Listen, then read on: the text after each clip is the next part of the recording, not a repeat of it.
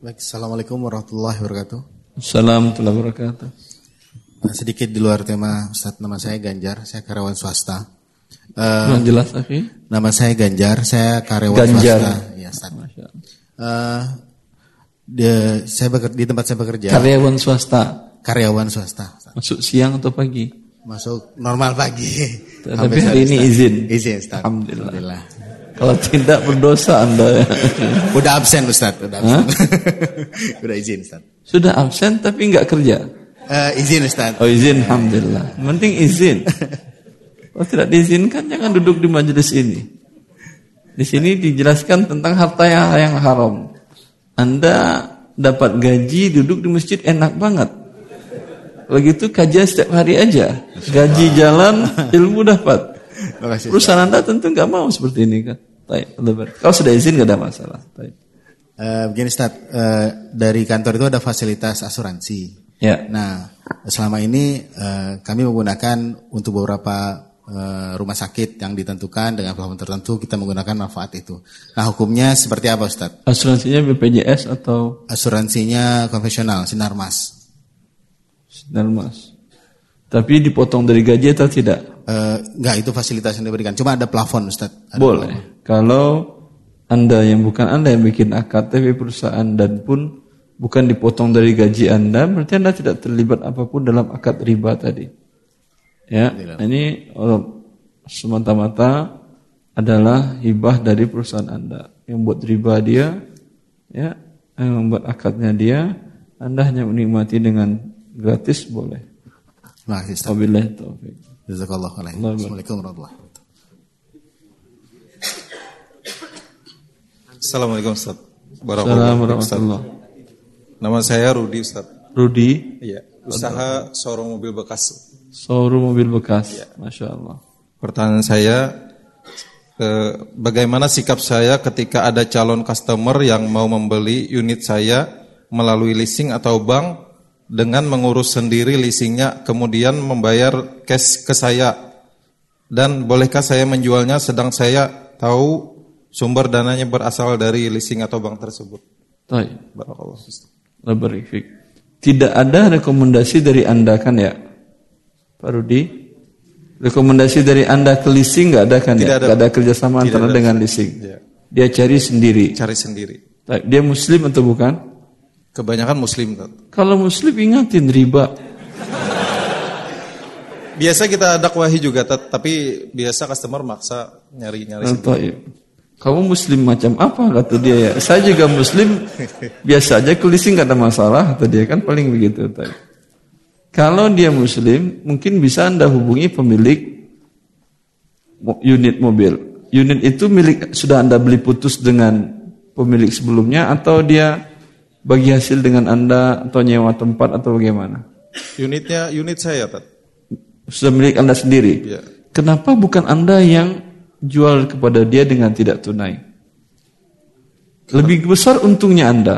Kalau saja leasing mau dapat untung besar dan dapat riba juga dia, lebih baik Anda dapat untung dan halal. Tanyakan kepada dia, kamu kemampuan kamu sebulan berapa? Sekian katanya cicilan. Ya, kalau sekian bulan pelunasannya, ini kalau cash harganya umpamanya 200 juta sekian bulan saya harus menjual kepada Anda dengan harga 250 juta. Untung 50 juta mau apa tidak Anda? Tapi modal saya terbatas tot dikit. Gak bisa. Kalau saja tukang riba mau dia 50 juta, Anda halal tidak mau. Ada yang non muslim mau. Sering contoh ini saya sampaikan. Saya ditelepon dari dari salah seorang jamaah di kota Bogor. Dia telepon, Ustaz kata dia, saya ingin beli ruko seharga 2 miliar dari non muslim di kota Bogor ini. Ya, saya ngajukan pembiayaan ke bank syariah, salah satu bank syariah di Bogor. Tapi terlalu lama, Ustaz udah lama khawatir nanti rukonya diambil orang. Hah? Bisa nggak Ustaz ngasih rekomendasi bagaimana gitu agar cepat pembiayaannya turun? Saya bilang ada yang cepat, tapi bukan pakai bank. Gimana Ustaz? Anda datangi tukang yang punya maaf pemilik ruko tadi. Anda sudah dapat angka nggak dari bank syariah tadi? Berapa nanti yang harus Anda bayar ke dia dari 2 miliar tadi? Udah Ustaz, sekitar pertambahan 700 juta. Berarti menjadi 2,7 miliar. Tawarkan kepada si non-muslim pemilik ruko tadi. Saya beli kepada kamu nyicil selama 3 tahun, DP sekian, ah, dengan harga 2,7 bukan 2 miliar. Tapi terlambat tidak ada denda. Baik nama nanti kita taruh di notaris, baik namanya nanti. Yang non muslim mau ya, Wallah, demi Allah mau. Dan bahkan nego sampai yang non muslim tadi memberikan diskon harga lagi 150 dari 2,7 berarti menjadi 2,55. Diskon 50 150 juta. Kata dia, Alhamdulillah Ustaz, mau dia dan saya senang Ustaz caranya halal nggak perlu pakai bank. Ini diskon 150 yang 75-nya mau saya kirim ke rekening antum Ustaz. Saya jawab kepada dia, Insya Allah saya kirimkan rekening saya kepada antum, SMS kan, tapi setelah utang anda lunas semuanya. Sampai sekarang nggak ada lagi dia nanya. Berarti utangnya belum lunas mungkin. Walhasil yang saya maksudkan, kalau saya non muslim mau pertambahan dari 2 miliar menjadi 5 2,55 dengan cara angsuran sama dengan bank syariah tadi. Masa Anda nggak mau? Tapi terserah Anda. Ini sekedar penawaran investasi dunia akhirat. Pembeli selamat dari neraka dan dapat unit mobil, Anda dapat membantu orang memenuhi kebutuhan unit mobilnya, dan Anda mendapatkan keuntungan di dunia pertambahan tadi. Berpikir panjanglah kembali. Allah barik. Ya, uh, untuk selanjutnya mungkin pertanyaan dari akhwat, kami persilahkan apabila dari jamaah akhwat ada yang ingin menyampaikan pertanyaan, silahkan di tempat yang sudah kita tentukan. Assalamualaikum warahmatullahi wabarakatuh, Ustaz. Waalaikumsalam Nama saya Jumiati. Saya mantan pekerja asuransi syariah. Yang saya tanyakan adalah saat saya bekerja dulu kan saya belum tahu hukum tentang riba dan sebagainya. Kemudian di saat sekarang saya sudah bertobat, apakah status hukum untuk harta yang saya pergunakan di saat masih bekerja baik untuk keperluan pribadi atau untuk perbuatan baik kepada orang lain status hartanya Ustadz. Demikian jazakallah heran. Ibu dari Sen. Uh, sudah Ustaz. Masih ada uangnya? Masih ada. Yang telah berlalu falahu ma salafa wa amruhu ilallah. Yang waktu itu ibu, ibu belum tahu karena ada syubhat, karena ini ada dewan, dewan syariah dan segala macamnya. Ya, yang telah berlalu semoga diampuni oleh Allah dan dimaafkan oleh Allah. Tapi yang sisa uangnya, waman ada faulaika ashabun nar Siapa yang kembali melakukannya dan masih ada sisa uangnya berarti dengan resign berhenti alhamdulillah. Tapi sisa uangnya ini bagaimana? Sisa uang ini yang dari gaji atau pasangan dan lain-lainnya ambil untuk ibu masih punya suami? Masih Ustaz. Dia bisa membiayai kehidupan keluarga sendirian? Iya Ustaz. Alhamdulillah. Kalau gitu berikan seluruhnya kepada fakir miskin pesangonnya dan lain-lainnya tadi dan sisa gajinya tadi. Insya Allah Ustaz. Berikan kepada fakir miskin bila ada kerabat atau adik atau tetangga yang fakir miskin, berikan kepada dia. Berapa yang akan ibu berikan? Anggap umpamanya uang ibu 300 juta. Berapa untuk dia? Untuk dia adalah menutupi status kemiskinannya. Umpamanya ada tetangga satu orang. Ya, pendapatannya sekitar 2 juta gaji per bulan suaminya. Anak-anaknya ada 5, kemudian kebutuhan per bulannya 5 juta. Kekurangannya berapa? 3 juta. Selama ini entah bagaimana yang jelas dia sampai sekarang masih hidup. Bagaimana cara untuknya wallahu alam. Jelas masih hidup. Bila ada hutang, dia katakan ada hutang. Maka bayarkan hutangnya dari uang 300 juta Anda tadi. Ada hutang umpamanya 10 juta. Kasih 10 juta dahulu. Kemudian setelah itu dia akan setahun ke depan kebutuhannya kekurangannya berapa tadi? 3 juta kan ya? 3 juta. Hah? 3 juta sebulan. 3 dikali setahun 12. keluar angka 36 juta. Berikan 36 juta lagi ke dia, katakan ini hak Anda. Jelas Ibu? Jelas Ustaz. Lebih dari 36 juta dia tidak boleh terima karena sekarang status kemiskinannya sudah terangkat. Kebutuhannya setahun sudah tersutupi, dia nggak fakir miskin lagi. Paham? Paham Ustaz. Ya. Cari masih ada sisanya kan kan uang 4 baru 46, uang 300 tadi kan ya? Masih ada sisanya berapa? 254. Ah, cari lagi tetangga atau kerabat yang lain. Kalau belum ada, tunggu proposal, majukan proposalnya. Ya.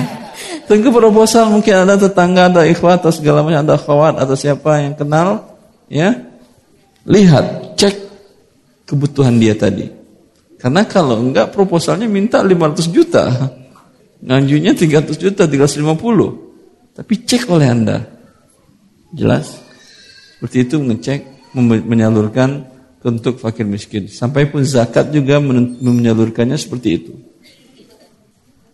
Bukan zakat itu suruh ngantri 500 fakir miskin masing-masing terima 100 ribu, 100 ribu, 100 ribu. Bukan seperti itu ya.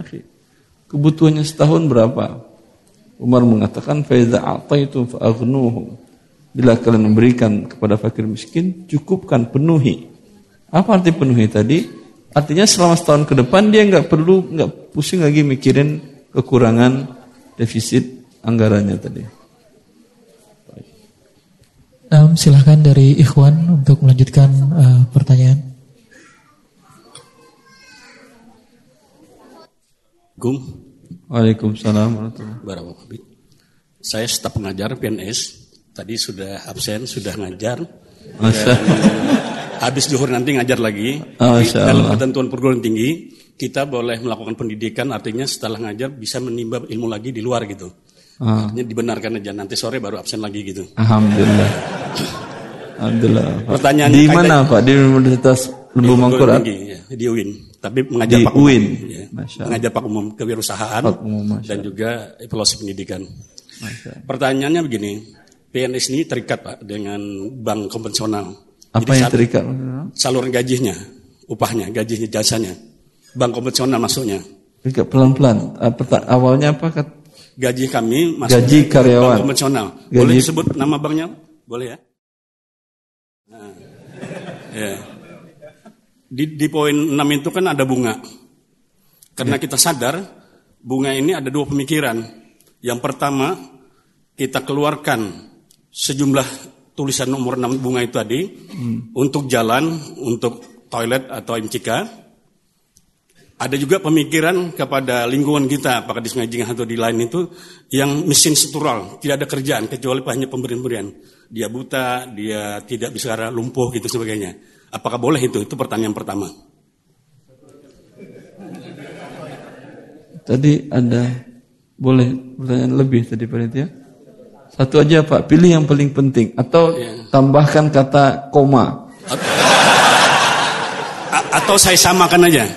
Nah, saya samakan ya. Begitu ada dua bank, bank syariah satunya. Uh. Jadi bunga apa setiap dapat income itu saya pindahkan ke bank syariah. Oh, syariah. Tapi ada lagi kalimat di situ bukan bunga, tapi bagi hasil. Bagi hasil. Pikiran saya ini berarti uang tambahan ini lebihan. Bingung lagi saya. Bingung lagi. Apa saya. apakah seperti itu? Koma lagi kalau bingung. Iya gitu. Terus terima kasih. Udah, sekarang udah nggak ada titik udah. Baik, Allah balik juga, Pak. Pertama, bila dalam pemberian gaji Anda tadi, Anda memberikan kepada dia jasa yang halal. Lalu ketika dia membayar upah Anda, dia wajibkan Anda untuk membuka rekening di bank riba. Ya, hak Anda sebagai manusia seperti Anda memberikan yang halal untuk mendapatkan hak Anda dengan cara yang halal.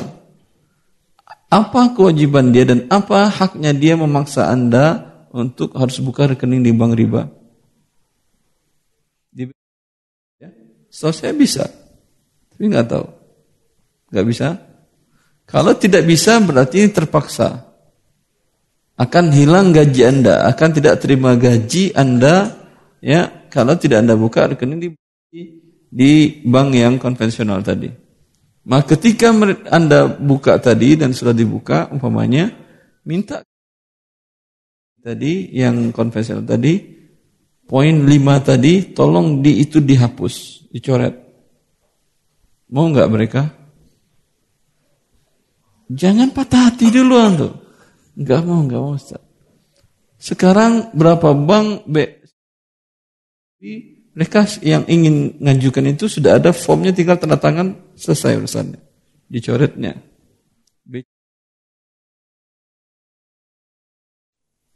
Sekarang karena mereka ngerti banyak warga negara Indonesia muslim yang sadar keislamannya mereka minta kalau tidak mereka ladeni ini tidak mereka sediakan jasa ini orang akan lari semuanya ke bank syariah mereka kehilangan nasabah. Ya atau tidak? Bisa BRI bisa. Minta. Jelas? Ini solusinya. Bukan tetap ada bunga, kemudian bunganya Anda salurkan. Bila masih ada bunga tetap di sini, dan dapat bunga terus per bulan, berarti Anda masih ada akad ribanya. Terus terkena dosa. Tapi dosanya Anda salurkan bertobat dan fakir miskin. Selagi ada pernyataan perjanjian ini ditandatanganin, dosanya terus mengalir. Kecuali ini sudah dicoret. Jelas? Yang koma tadi apa tadi yang koma? Ya, transfer ke bank syariah. Udah, kalau seperti itu Anda nggak perlu transfer ke bank syariah. Jelas? Baik. Kemudian menurut Anda bank syariah ada bagi hasilnya menurut Bapak sama aja dengan bank riba. Betul. Karena kita katakan kalau bagi hasil investasi tadi siap bagi keuntungan dan siap bagi kerugian. Ada apakah apakah ada di dalam akad tabungan mudharabah di bank syariah bahwa nasabah sebagai investor atau rabbul mal akan dipotong uang uangnya bila terjadi kerugian. Ada pernyataan itu tidak? Bila tidak ada pernyataan ini berarti selama ini akad Anda uangnya terjamin kan ya? Rugi atau kolaps pun banknya uang Anda terjamin simpanannya. Ya atau tidak? Berarti akadnya kop. Kalau ada pertambahan walaupun nama bagi hasilnya juga intinya adalah riba. Tapi wallahu alam setahu saya sekarang ada jenis tabungan di salah satu bank syariah yang tanpa ada pertambahan. Eh, iya akad wadiah, tapi tidak semua bank yang ada wadiah telah pertambahan. Ada beberapa bank yang minta ke dia tanyain saja, saya mau nabung, berikan saya akad yang tanpa ada pertambahan. Masalahnya mau wadiah kata dia, mau kot kata dia, mau apa pun, terserah. Yang penting tidak mau ada pertambahan. Jelas? Allah barik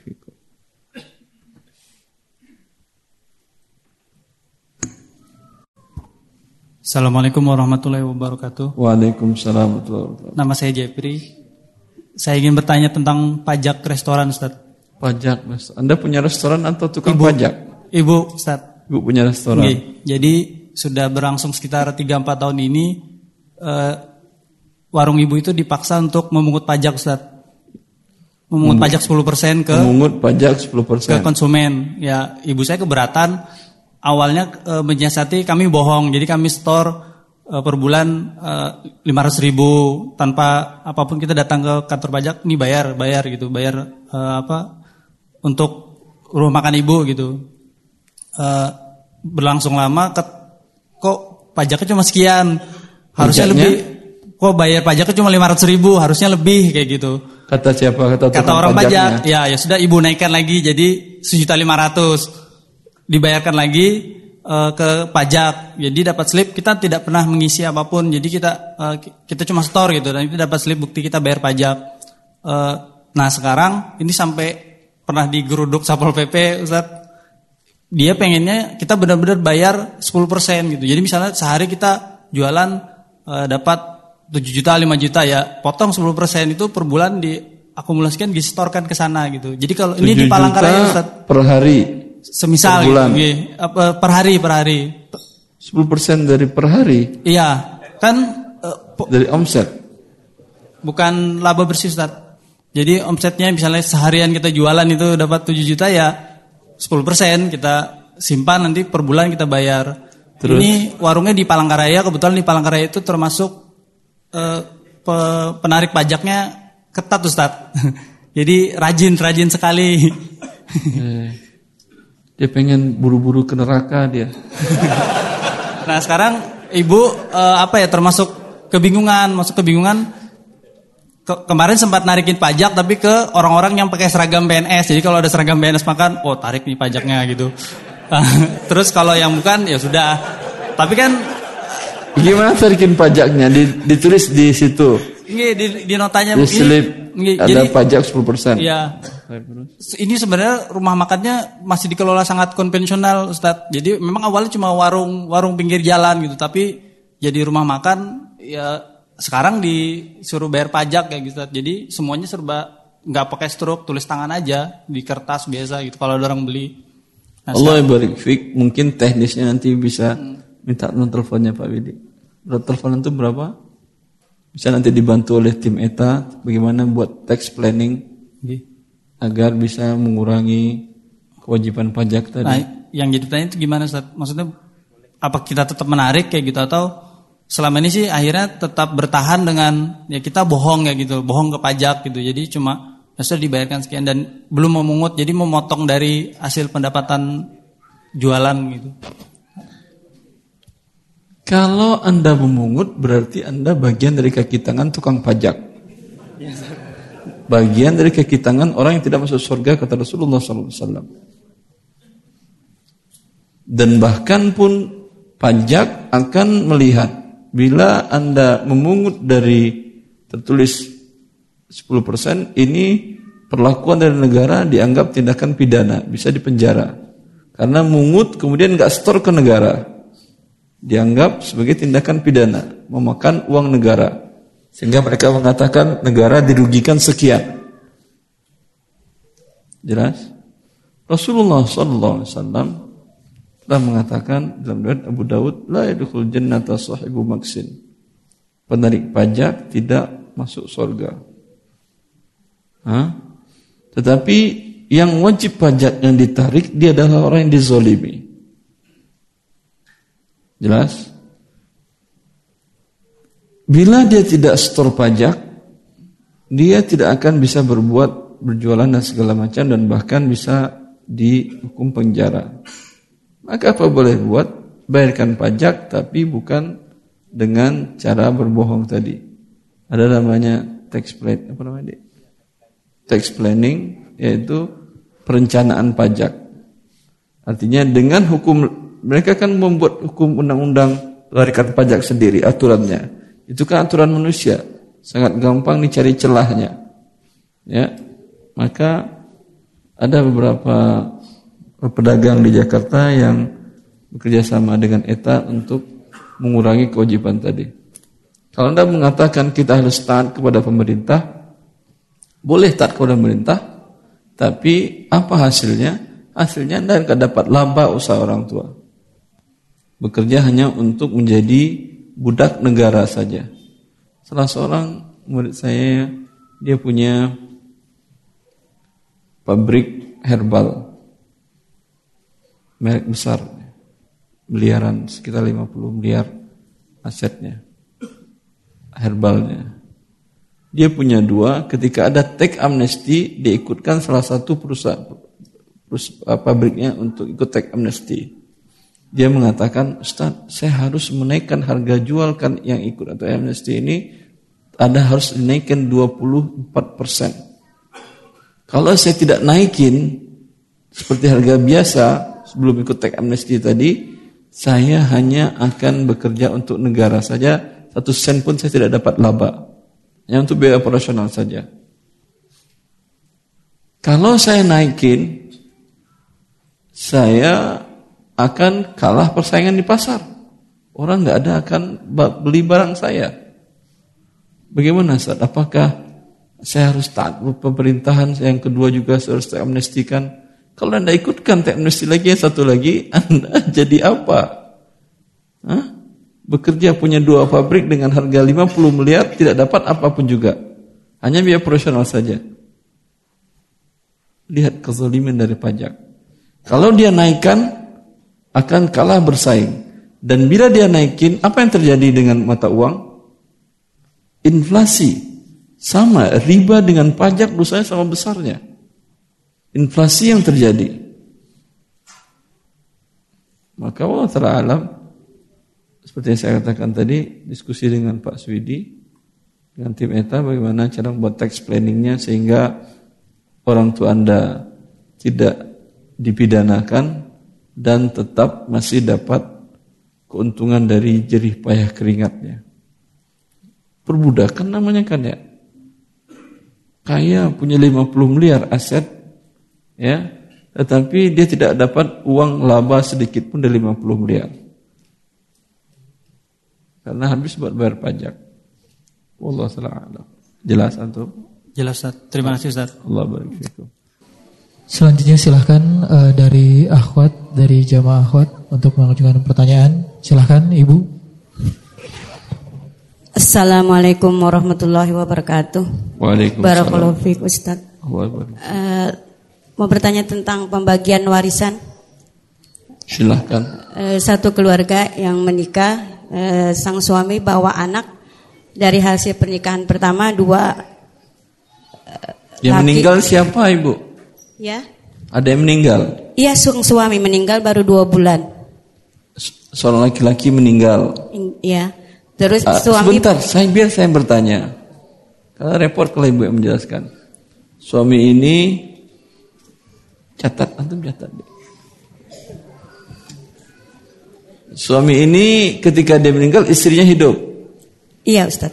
Istri ahli waris pertama.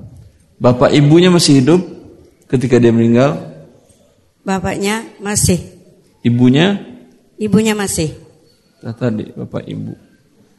Suami ini punya anak baik dari istri ini atau istri yang mana pun juga?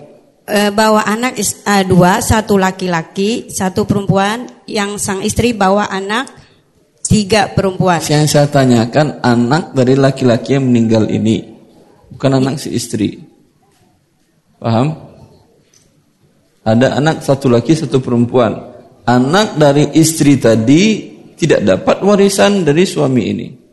Dari laki-laki ini. Karena iya, bukan Ustaz. anak dia. Paham Ibu? Iya Ustaz. Ah, taib. Ini sudah bisa dibagi. Terus dia hasil pernikahan berdua dapat satu anak perempuan, Ustaz, umur 4 bulan. Berarti anak suami ini perempuan dua. Iya. Satu dari istri sebelumnya, satu lagi dari istri kedua. Iya, Ustaz. Laki-laki cuma satu. Iya, Ustaz. Ya udah. Anak laki-laki satu, anak perempuan dua.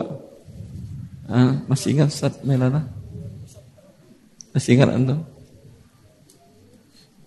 Karena pelatihan waris kita dulu masih ingat antum Ustaz? Untuk bapak dan ibunya seperenam seperenam. Untuk istrinya seperdelapan. Ya. Ya Ustaz. Enam dengan delapan jadi dua puluh empat. Ya. Kemudian 24 dibagi 6 jadi 4 Bapak ibunya dapat 4 per 24 Si istri dapat 3 per 24. Berapa sisanya Ustaz? 8 tambah 3 11 11 2 tinggal 13. 13 dibagikan kepada satu anak laki, dua anak perempuan. Laki-laki adalah dua bagian berarti 4. Ya, 2 ditambah 2 4 13 dibagi 4 ada pecahan. Berarti sekarang 4 dikali 24. Berapa jadinya, Dek? 24 96 96 96 tadi untuk ibunya 4 berarti 4 dikali 4 16 per 96 untuk ibu berapa? 16 untuk ibu 16 per 96 untuk bapaknya. Kemudian yang untuk istri tadi berapa 3 kan ya 3 kali 4 12 12 yang untuk anak laki-laki 13 kali 2 26 Anak perempuan 13, 13, 13 per 96. Pas semuanya? 16 dua kali. Pas 96, Alhamdulillah. Jelas Ibu? Ya Ustaz, syukran Afan, tolong Ustaz, siapa panitia tolong foto itu kasihkan. Minta ke panitia. Siapa panitianya? Siapa nama beliau? Minta ke Ustadz Wahyu Wahyu apa namanya? Tasnim Tasmin Minta ke Ustadz Wahyu Tasmin nanti kopiannya Foto-foto Wahyu Foto Abu Ahmad, antum masih ingat waris? Insya Allah. Jadi kalau saya nggak ada nanti tinggal tanya ke Ustaz Abu Ahmad. Beliau lama mulai sama waris dulu dengan teman-teman